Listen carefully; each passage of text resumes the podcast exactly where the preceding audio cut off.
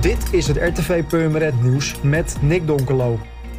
Sinds afgelopen dinsdag heeft een kleine groep asielzoekers intrek genomen in de crisisnoodopvang op de Baansteen Noord. De gemeente Purmerend en Edam-Volendam kiezen ervoor om steeds een kleine groep mensen aan toe te voegen om de begeleiders en de huidige bewoners aan elkaar te laten wennen en hiermee de overgang naar een grotere bezetting van in totaal 450 mensen geleidelijk in te voeren. Eigenlijk zou er begin oktober een aanvang worden gemaakt om de nieuwe groep van 225 mensen te huisvesten.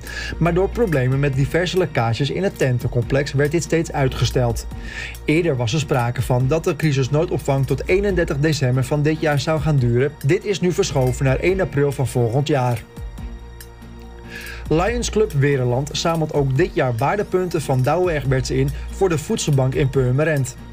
Deze worden vervolgens verzilverd tegen Douwe Egberts Aroma Rood koffiepakken. De koffiefabrikant verhoogt de opbrengst met 20%. Een kop koffie is voor ruim een miljoen Nederlanders die onder de armoedegrens leven een product dat een flinke hap uit het beschikbare budget neemt. Ook voor de klanten van de Purmerendse Voedselbank is een dagelijks bakje koffie dus niet vanzelfsprekend. Koffie komt maar sporadisch voor in de voedselpakketten. Daarom roept de Lions Club om de waardepunten beschikbaar te stellen voor de voedselbank. De waardepunten kunnen vanaf maandag 21 november tot en met zondag 11 december worden ingeleverd bij verschillende supermarkten in Purmerend.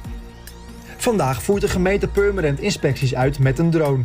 Het gaat om inspecties van de gemeentelijke gebouwen op diverse locaties.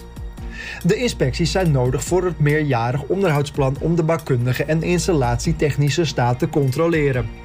Op de plek van inspectie worden waarschuwingsborden op de stoep of op de straat neergezet om aan te geven dat er een drone kan overvliegen. Het bedrijf dat de inspecties in opdracht van de gemeente uitvoert is gespecialiseerd en voldoet aan de privacyrichtlijnen. Voor meer nieuws, kijk of luister natuurlijk naar RTV Purmerend. Volg je onze socials of ga je naar onze website, dat is www.rtvpurmerend.nl.